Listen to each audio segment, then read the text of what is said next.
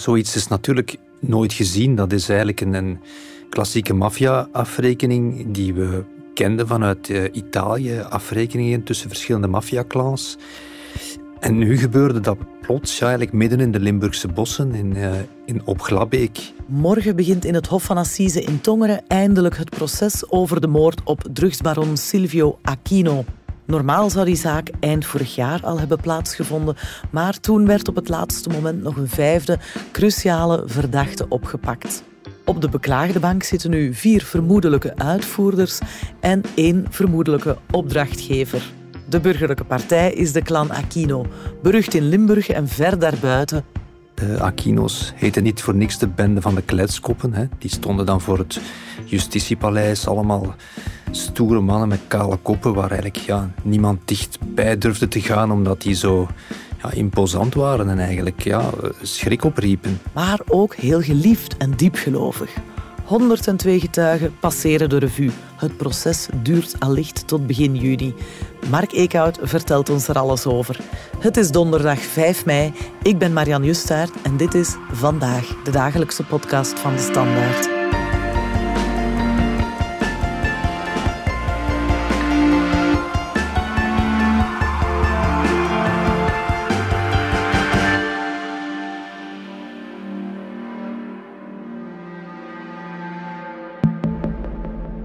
27 augustus 2015. Het is iets na 12 uur s middags. We zijn in Opglabeek. Silvio Aquino heeft net een bezoekje aan zijn zus Antonetta achter de rug en rijdt met zijn vrouw, Silvia Liskova, naar huis. Hij is zich van geen kwaad bewust. Ziet niet dat een grijze Opel hem en zijn vrouw al een tijdje achtervolgt. Tot ze de Sint-Hubertuslaan in de Limburgse bossen oprijden. De Opel steekt hen voorbij en gaat plots op de rem staan om hen de weg te versperren. Haast meteen wordt ook de andere kant geblokkeerd door een zwarte Jaguar met Nederlandse nummerplaat. Silvio en Silvia Aquino zitten muurvast. We kunnen ons zo inbeelden wat, wat Silvio Aquino op dat moment moet gedacht hebben. Hij had al zoveel uh, last met de politie de voorbije maanden. Ongetwijfeld gaat hij gedacht hebben, ja, weer een politiecontrole.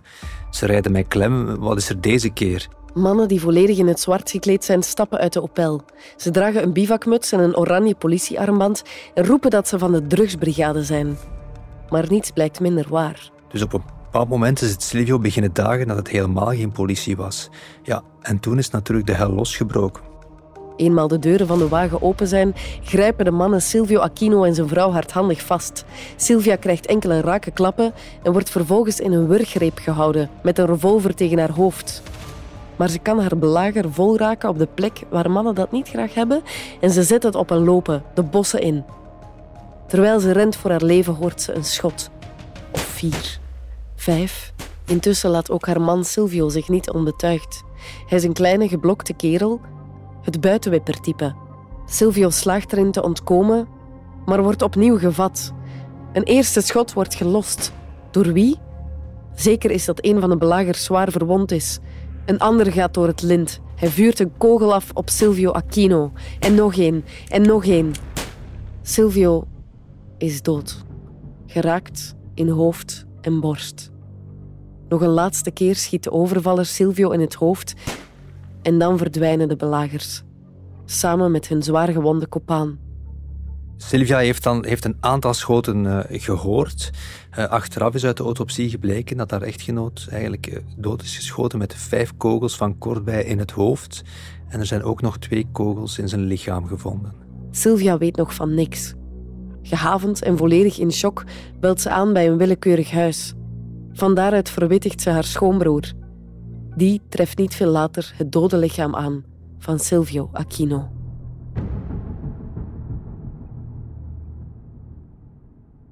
Dag Mark Eekhout, jij bent onze gerechtsjournalist. Ja, we hoorden hier net een spannend vertelde reconstructie van de moord op maffiabaas Silvio Aquino. Is het echt zo gegaan? Ja, inderdaad. Voor zover we weten eh, is het zo gegaan. De speurders hebben, hebben de, de, verklaringen van Silvia Liskova, de weduwe van Silvio Aquino, om op te steunen. Dat was directe getuige. En dan is er nog één van de vijf ontvoerders, het commando van ontvoerders dat er plaatsen was. Eén daarvan, de Dragisa Hamidovic, heeft ook gepraat met de speurders na zijn arrestatie.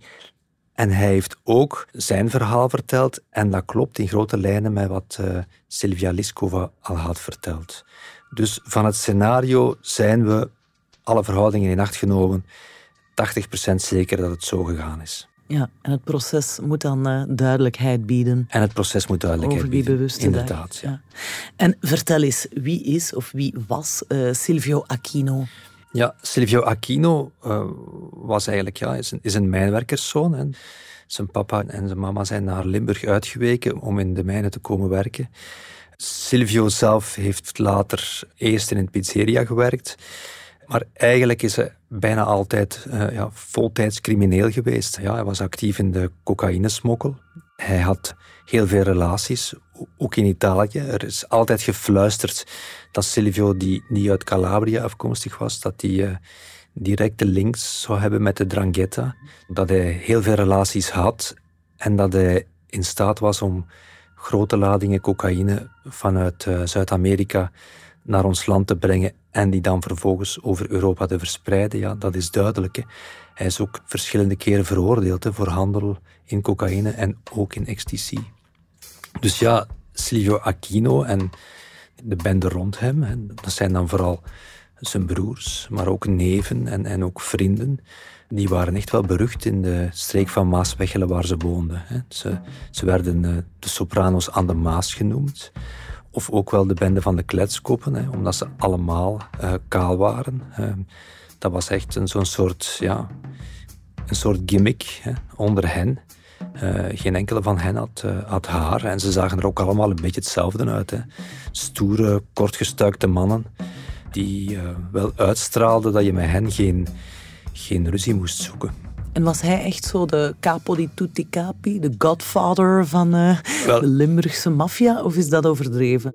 De grote baas in, in theorie was uh, Raf, hè? dat is de oudste broer, maar volgens kenners was uh, Silvio eigenlijk altijd de man die alles deed draaien bij de familie Aquino. Hij was de man die de, de grote deals sloot. Ja, hij was eigenlijk de, de echte leider van de, van de clan Aquino.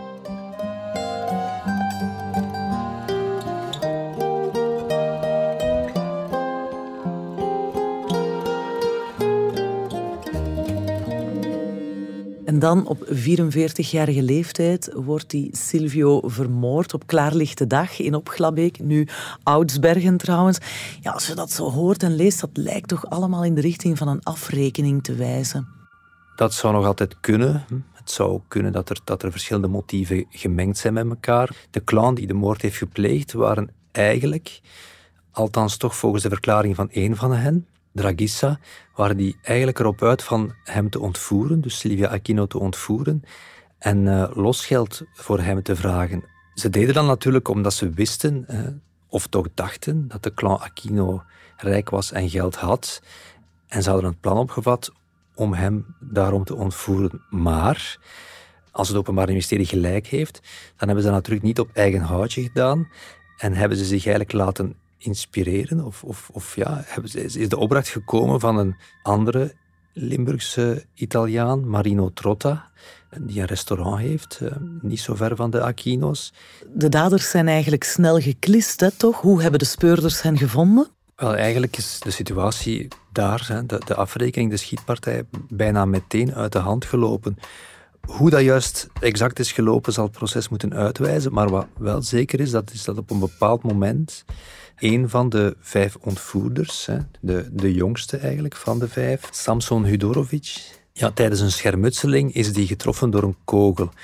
Die was heel zwaar gewond. En waarschijnlijk in een, in een soort ja, paniekreactie heeft dan de stiefvader van Samson, en dat was dan Sandro, heeft die Silvio Aquino van heel kort bij doodgeschoten met zeven kogels, vijf in zijn hoofd, twee in zijn lichaam.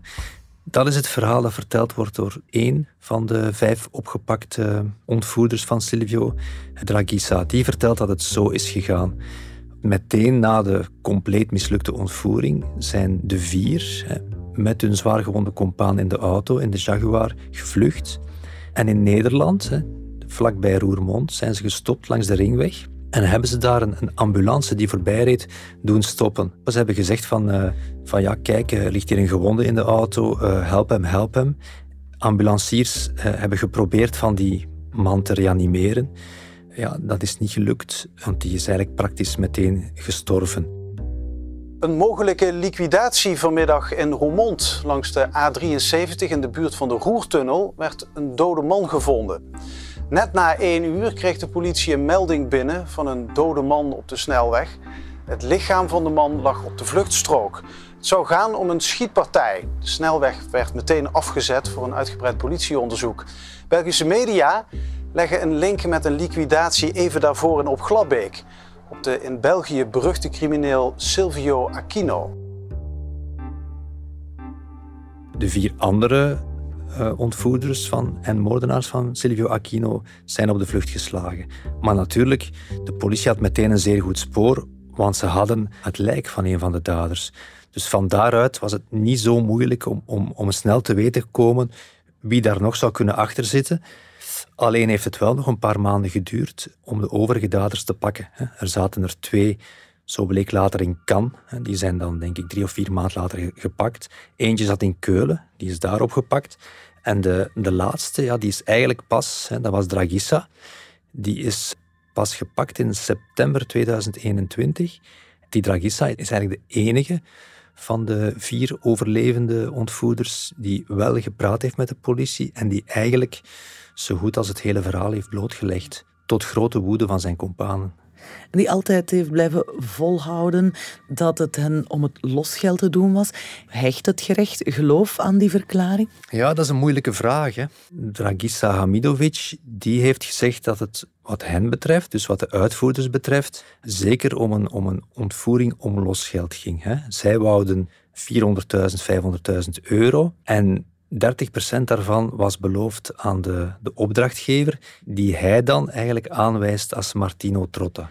Was het Martino Trotta te doen om het geld van die ontvoering, of had hij ook een rekening te verhefferen met Silvio Aquino? Martino Trotta, tot op vandaag ontkent hij eigenlijk elke betrokkenheid bij, bij de ontvoering en de moord op Silvio Aquino. Hij zegt eigenlijk dat hij daar helemaal niks mee te maken heeft. Die pleit onschuldig. Hij pleit onschuldig, ja. ja.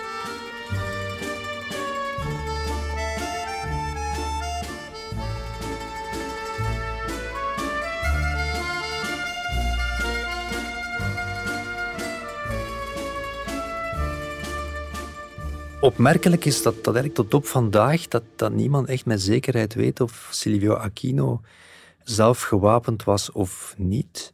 In elk geval op de plaats van het misdrijf is geen wapen meer gevonden dat van Silvio had moeten zijn of had kunnen zijn. Dus het lijkt plausibel dat Silvio erin geslaagd is van ja, tijdens een vechtpartij met een van, die, ehm, ja, van, een van zijn ontvoerders, dat hij dat erin geslaagd is een wapen vast te krijgen en dat in die schermutseling een kogel is afgegaan die dan het leven heeft gekost aan een van de ontvoerders met name Samson.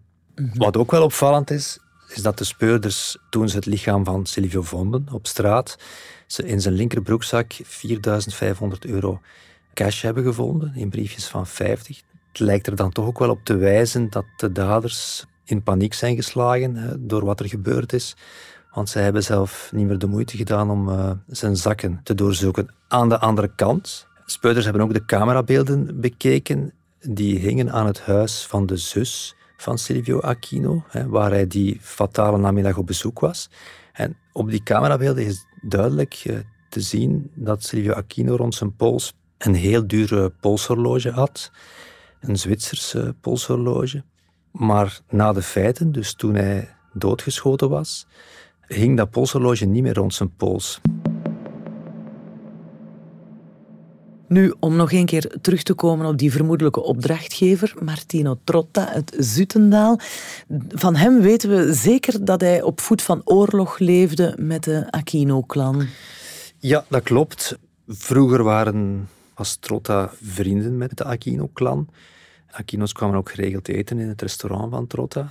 Maar om een of andere reden is die relatie helemaal verzuurd. Nu, het is niet uit het onderzoek gebleken hoe dat dan juist is gekomen. Maar wat dat wel zeker klopt, is dat de Aquino's op een bepaald moment hebben gedacht dat Trotta de dader was van een homejacking bij de zus van Silvio, wat Trotta altijd ontkend heeft. En, maar ook dat is nooit bewezen, er zou zware oneenigheid geweest zijn over een foutgelopen drugsdeal, een, een lading drugs die verdwenen was.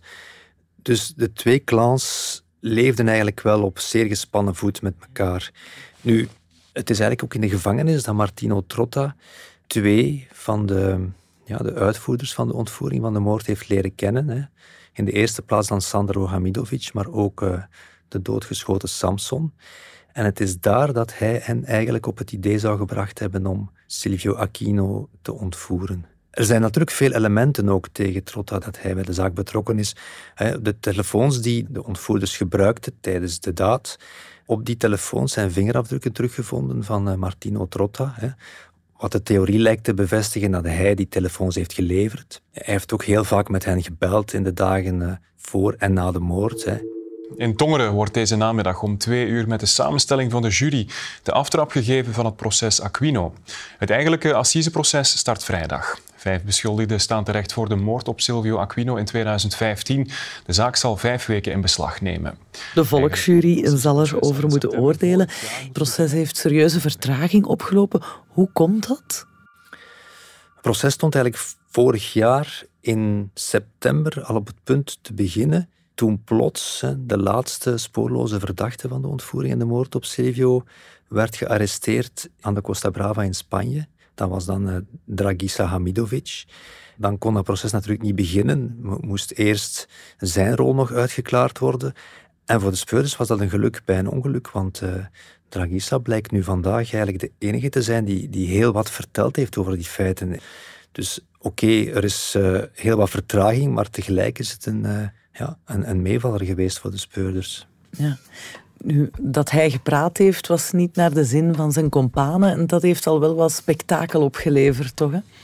Klopt, ja. Bij de inleidende zittingen ja, zat Tragissa naast zijn compaan Sandro. Ja, en die heeft hem daar openlijk een verrader genoemd. Daarom ook de, de veiligheidsmaatregelen voor dit proces gaan toch wel heel groot zijn. Hè. Aan de ene kant is er de clan Aquino, die Martino Trotta en de uitvoerders van de moord rouwlust. Hè. Die zijn nog altijd uit op wraak. Hè. En aan de andere kant ja, is er ook ruzie en, en haat tussen de uitvoerders zelf. Hè. Die Tragissa die dan door de anderen verrader wordt genoemd. Dus ook op dat vlak gaat dat proces, dreigt dat heel spannend te worden. Ja. Het gaat daar wat worden. Hè. 102 getuigen moeten opdraven tijdens dat hele proces. Wat verwacht je ervan? Het gaat in elk geval een, een, allicht een proces worden met veel incidenten. Je mag ook niet vergeten, Silvio Aquino was een populair figuur in zijn gemeente. Hè, die, toen hij begraven werd, uh, was er 500 man op de begrafenis. Ja, Silvio Aquino was de vriend van iedereen. Hè. Dus het feit dat hij vermoord is, ja, heeft heel veel kwaad bloed gezet. Ik kan me voorstellen dat er op zijn proces uh, ja, heel wat mensen gaan zijn die echt wel uh, veel sympathie hebben voor, voor hem. En aan de andere kant ja, heb je de clan Trotta, die dan toch ook wel uh, met de nek zal aangekeken worden. Dus ja, sowieso zal het een spannend proces worden. Wat de afloop gaat zijn, ja, gaan de elementen tegen Martino Trotta sterk genoeg zijn om hem te laten veroordelen? Ja, dat zal moeten blijken en het zal aan de volksjury zijn om dat te bepalen. Hè. De beschuldigden staan terecht voor de moord op Silvio Aquino, maar ook voor de ontvoering en de gijzeling, de poging tot ontvoering en gijzeling. Maar niet alleen op Silvio Aquino, maar ook op zijn echtgenote Silvia Liskova, die ze ook geprobeerd hebben van te ontvoeren. En als ze aan die feiten worden schuldig bevonden, ja, dan eh, riskeren ze levenslang. Wat men van hieruit doet, is effectief de grote drugtransporten organiseren, onder meer over gans Europa. Als er in Antwerpen in de haven cocaïne binnenkomt, dan uh, is een deel daarvan alleszins uh, besteld door uh, Limburgse bendes. En dan spreken we over internationale connecties en inderdaad met Italiaanse maffiastructuren. Ik denk dat we het um, heel lang niet gezien hebben. En dat het heel lang niet aangepakt is. En dat het dus absoluut noodzakelijk is om daar nu multidisciplinair op te werken en bijzonder hard op in te zetten, omdat die eh, criminaliteit die verweven zit ondertussen met de bovenbouw, met de economische wereld, dat die effectief het economisch verkeer in Limburg uh, verstoort. Dat was de Limburgse procureur Guido Vermeijren eind 2017 al op TV Limburg.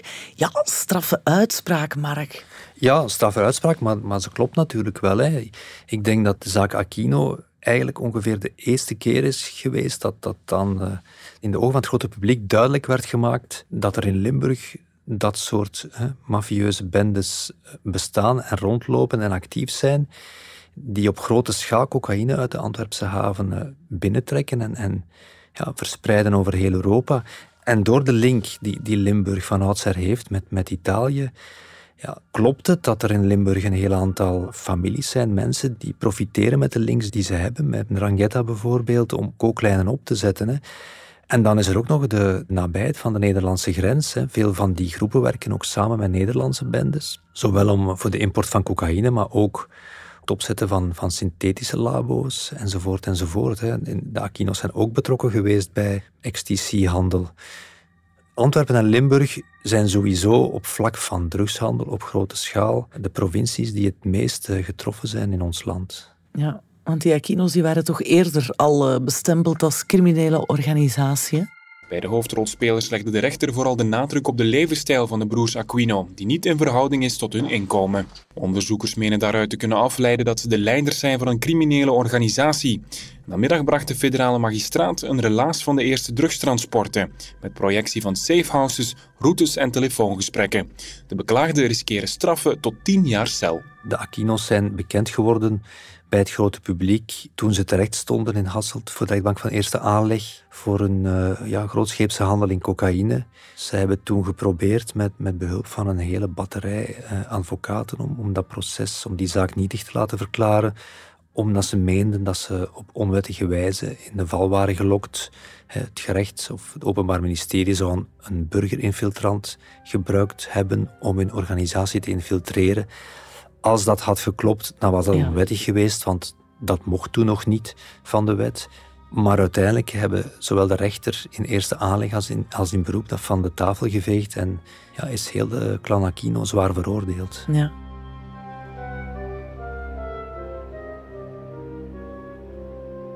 Nu, zijn die clans uh, de grootste kopzorg van Limburg?